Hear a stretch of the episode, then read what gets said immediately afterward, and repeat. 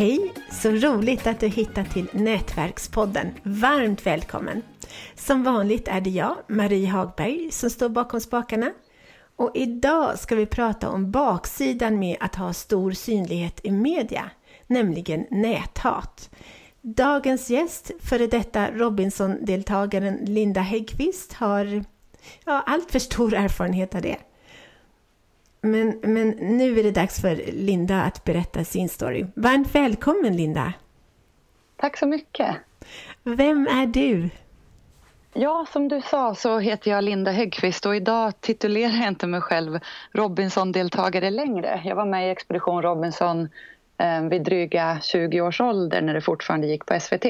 Men idag är jag entreprenör, jag driver företag och jag bor i Enskede i Stockholm och jag har tre barn och en fantastisk man. Så mycket har hänt sedan dess.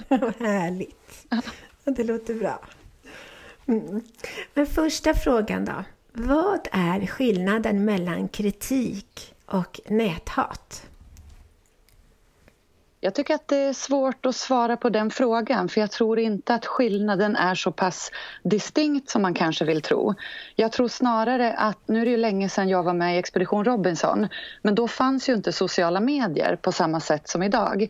Idag så har vi valt att öppna upp våra profiler eh, och bli mer tillgängliga. Då för tiden så var det ju medierna som styrde, det fanns ansvariga utgivare och den här direktkommunikationen förekom inte alls på samma sätt.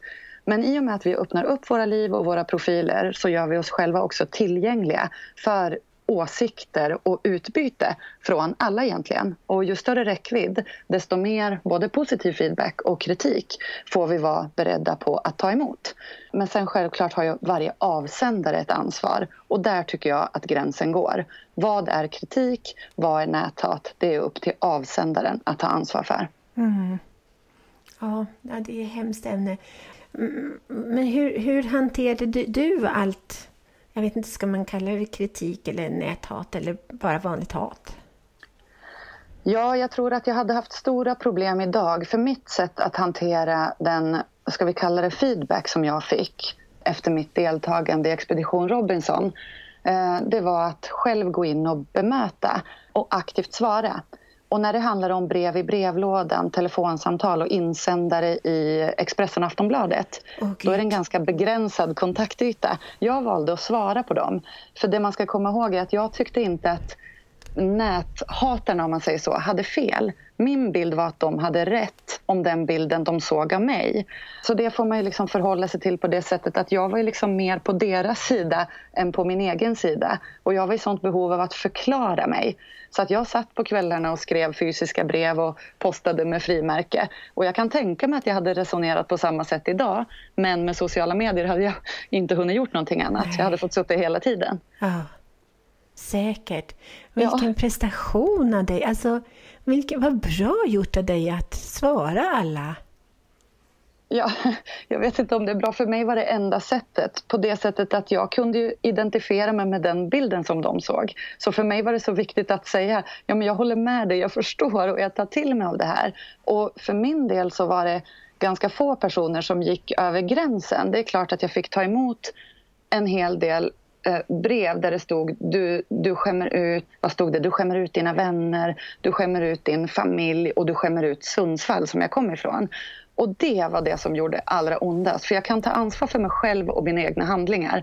Men när jag fick höra att jag skämde ut min hemstad, det var, det var riktigt, riktigt tärande. Och, och det är egentligen det som har fått mig att, att göra aktiva val framåt. För så vill jag aldrig känna igen. Nej, men Fick du något svar då när du svarade dem? Fick du något svar igen då från dem? Förstod ja, de? Fick, ja, det fick jag. Det här låter ju helt föråldrat. Det här var ju snigelpost liksom.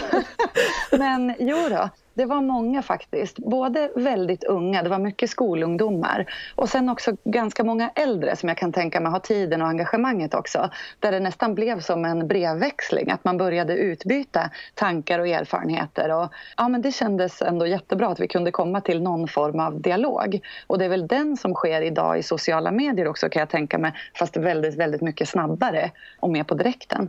Har du, jag blir så nyfiken, har du någon kontakt med någon av de här brevvännerna idag? Tyvärr inte idag. Jag hittade en gammal flyttlåda när jag städade källaren för någon månad sedan här.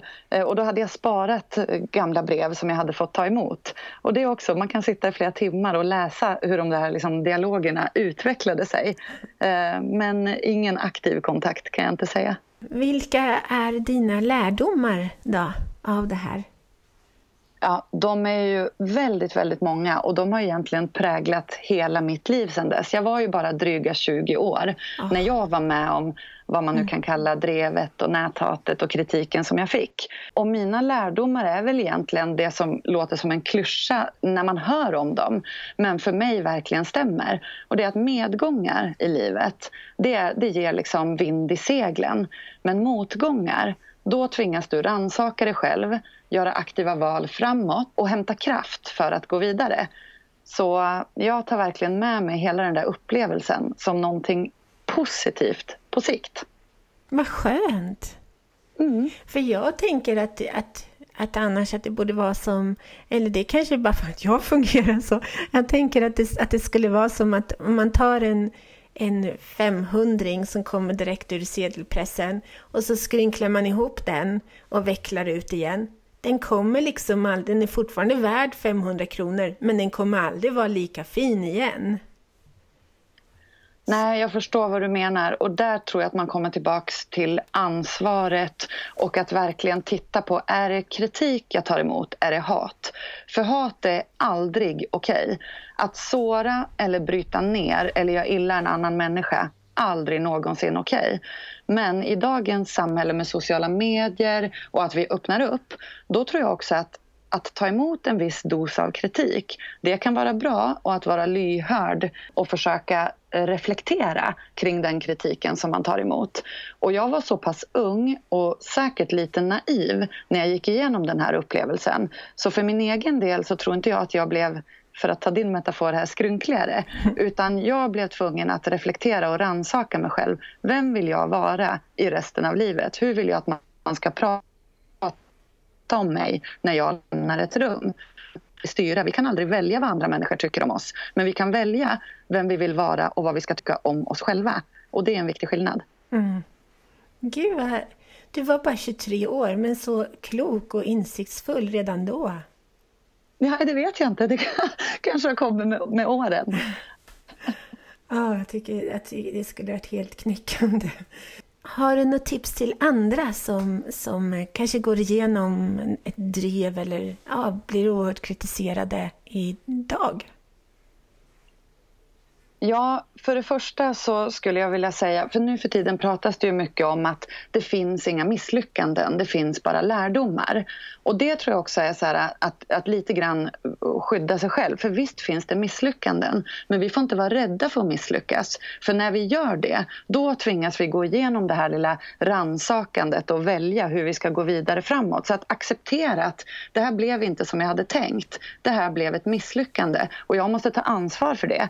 Och det kan handla om att säga förlåt eller det kan handla om att ändra inställning eller ändra riktning. Men att vara lyhörd och acceptera.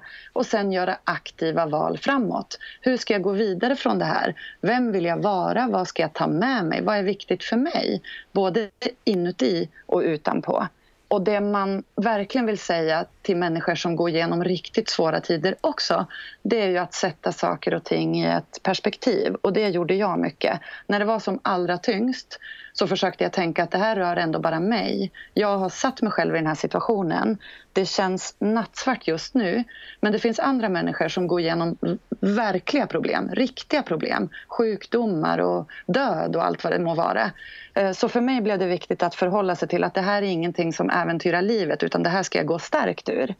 Och ja, sista delen att säga där också, det är ju när du väl har kommit förbi det så tror jag att du bär med dig en styrka som kommer inifrån och ut. Har du varit vilsen förut så har du tvingats reflektera kring vad som är viktigt och värdefullt i ditt liv. Och det gör dig både mer mottaglig för andra människors olikheter men också stärkt i din övertygelse, dina målsättningar och vart du vill nå. Och det tror jag bara motgångar kan göra. Jag tror inte att idel framgång ger den styrkan på samma sätt. Jag håller med. Alltså idel framgång, de som har glidit fram på en räkmacka genom livet, de, ja, det, är inte, det är inte bara positivt. Nej, jag tror inte det heller. En fråga till förresten. Hade du no, fick du någon psykologhjälp um, efter programmet? Det var ju ändå, vi ska säga också, det var fyra miljoner tittare av sista avsnittet och du var en av finalisterna. Så du var ju enormt igenkänd och så. Fick du hjälp med det här? Ja, vi fick jättemycket hjälp. SVT och produktionsbolaget Strix tog ett stort ansvar från början till slut. Så att vi hade bland annat då psykologcoaching både i urvalsprocessen när vi skulle bli antagna genom hela programmet och även efteråt. Vad skönt. Och sen så har jag en sista fråga.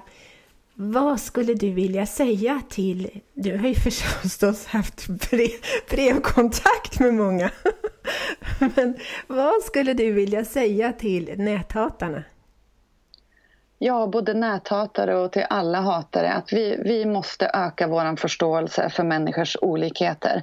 Vi är bara människor, vi kommer göra misstag. Och att döma någon annan innan man har hela bilden eller lärt känna den personen. Det måste sluta nu. Jag har själv tre barn och bara tanken på att de ska kunna förfölja eller bli förföljda i sin egen trygga hemmiljö av nätet och det hat som finns där, det, det, det får man ont i magen av. Så att vi måste öka förståelsen för olikheter i det här landet och bli varmare igen. Men du har så rätt. Stort tack Linda för dina fantastiskt fina avslutande ord. Men tack själv för att jag fick vara med. Tack. tack. Att höras i en podd ger hög trovärdighet. Du får högre status, skapar förtroende och stärker ditt varumärke. Vill du höras i Nätverkspodden genom att sponsra ett avsnitt?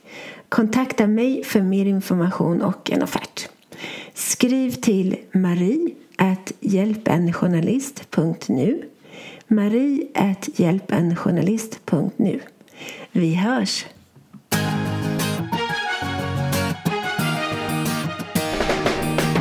Tack för att du har lyssnat på Nätverkspodden om nätverkande, PR och marknadsföring med Nina Jansdotter och Marie Hagberg.